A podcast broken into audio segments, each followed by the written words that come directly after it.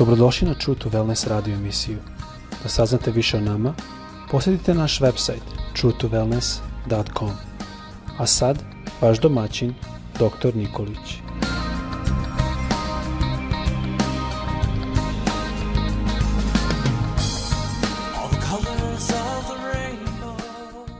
Draga braćo, drage sestre i dragi prijatelji, srdačan pozdrav svima sa željom da vas Bog blagoslovi i da vi budete blagoslov drugima.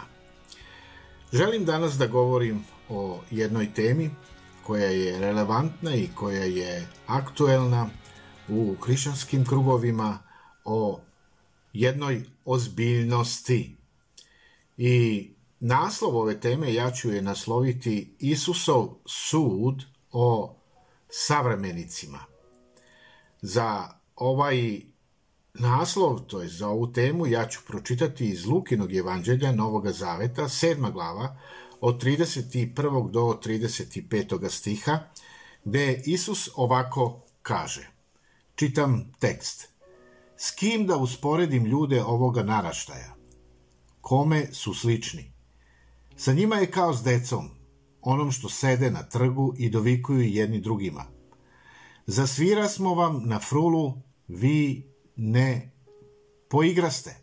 Zapeva smo tužaljke, vi ne zaplakaste. Dođe Jovan Krstitelj, niti jede hleba, niti pije vina, a vi kažete, ima zlog duha. Dođe sin čoveči, jede i pije i vi kažete, gle izelice i pijanice prijatelja carinika. Ali mudrost opravdaše sva njezina deca. Ili jedan drugi prevod kaže, a sva njena deca opravdala su svoju mudrost.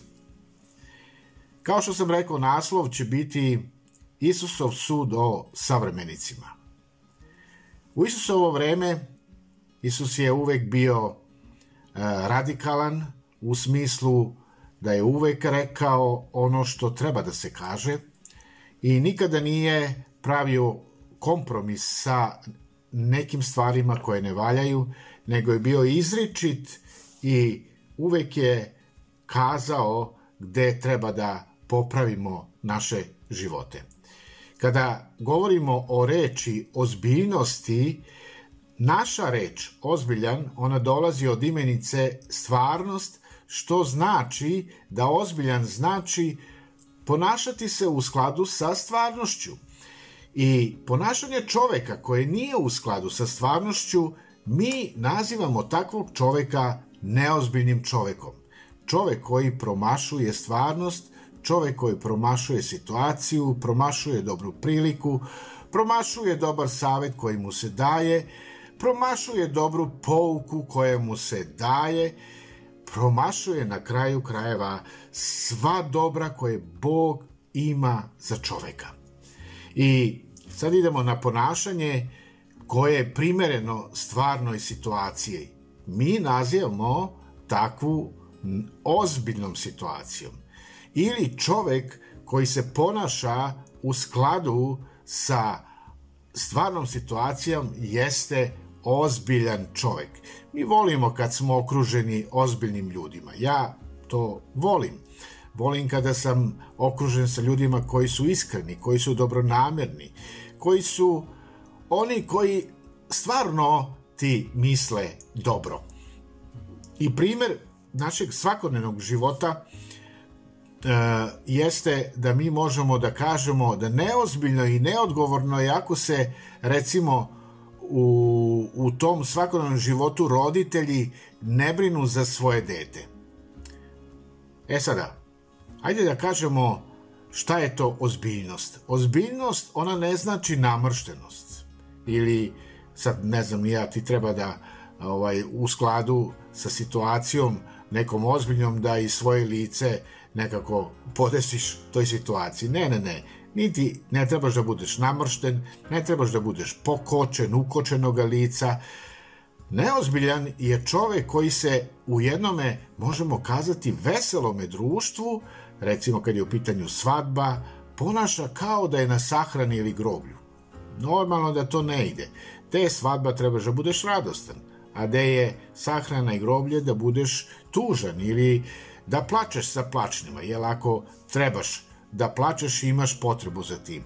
Normalno je da se mi svi prilagođavamo stvarnosti koje nas okružuje i da se prilagodimo situaciji.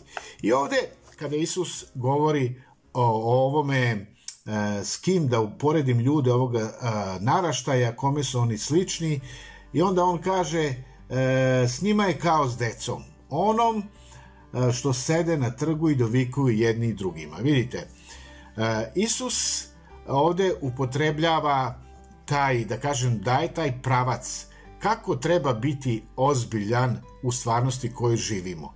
I, I ovde trebamo u stvari da prepoznamo tu ozbiljnost Isusove osobe u odnosu na naš, na naš sobstveni život. I ovde Isus uzima tu dečiju igru.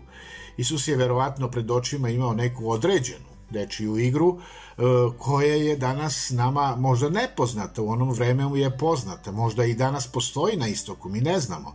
Ili ono što deca često rade, a to je da oponašaju ili imitiraju događaje života odrasli, radosne događaje i žalosne događaje. I u igri su te, da kažemo, dve grupe dece. Jedna od tih grupa ona odbija da sarađuje sa drugom grupom. Ne želi sarađivati nikad se igra žalosna igra, tada bi trebalo plakati, a nikad se igra ta radosna igra, jer poziv na radost treba da bude radost, a ne žalost. Kao da ovaj, e, jedan drugome kontru teraju, mi to danas tako kažemo. I tako da ova druga grupa ne odgovara ni na jednu po, ponudu one prve grupe, pa makar bile totalno različite makar to bila i žalost i radost.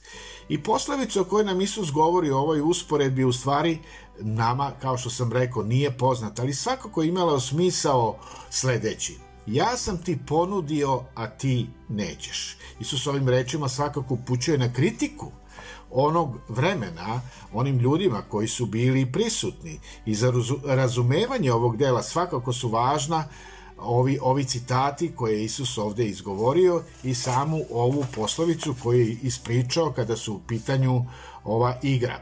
Kritika dakle nije upućena, da kažemo, prostim jednostavnim ljudima, već je kritika upućena književnicima, farisejima, zakonoznancima, oni koji su morali prepoznati Isusa šta je volja Božja za njihove živote.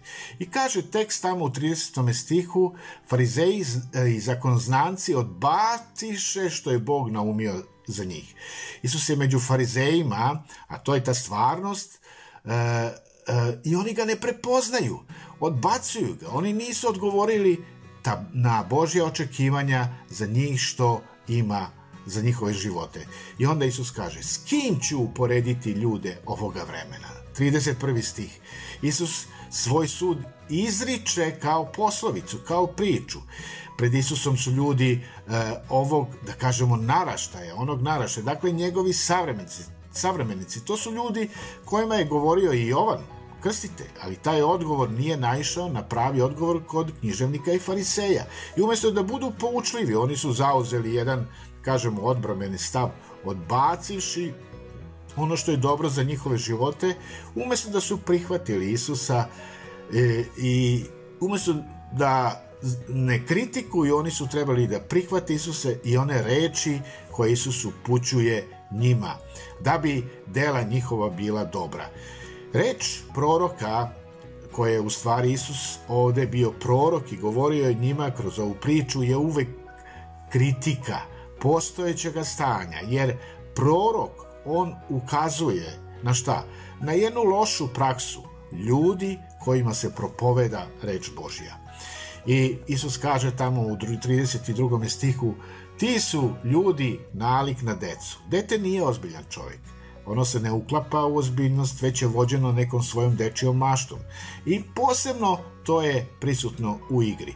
Zato za neozbiljnog čoveka mi kažemo da je detinjac, da je podetinio i dok dete sebi može da pripiše detinje stvari, odrastao čovek po naravi treba biti ozbiljan, biti odgovoran, savestan, ponašati se kao odraslo i odgovorno biće. I sad ovde mi u stvari imamo taj neki, da kažemo, zaključak o kojem Isus ovde želi da upozori one ljude onoga vremena. Prorok, on je vrlo neugodan. Kako ga odbaciti? On uznemiruje, on dovodi u pitanje sadašnje stanje i način života. Prorok dira u savest, uznemiruje, a savest postaje nekako glasnija. Kako se rešiti proroka? Jedan od najčešćih načina jeste da ga se obezvredi kao čoveka. Tada je obezvređeno ono što on govori, što propoveda i to su i ljudi radili u Isusovo vreme. Pokušali Isusa da obezvrede.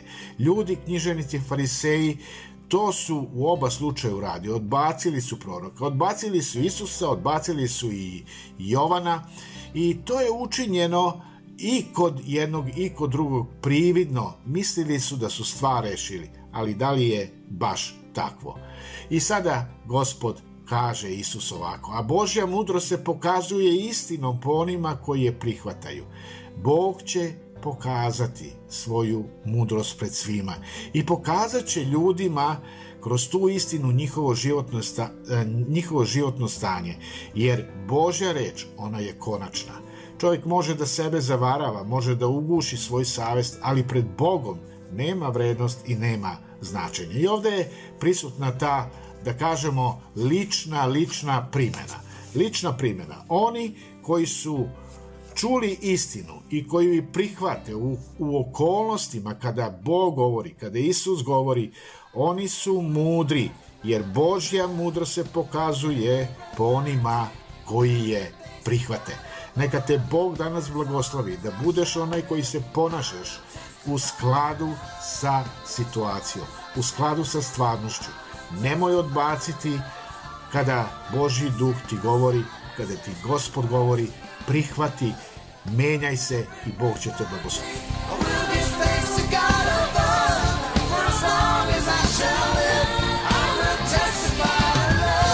Slušajte True to Wellness radio emisiju.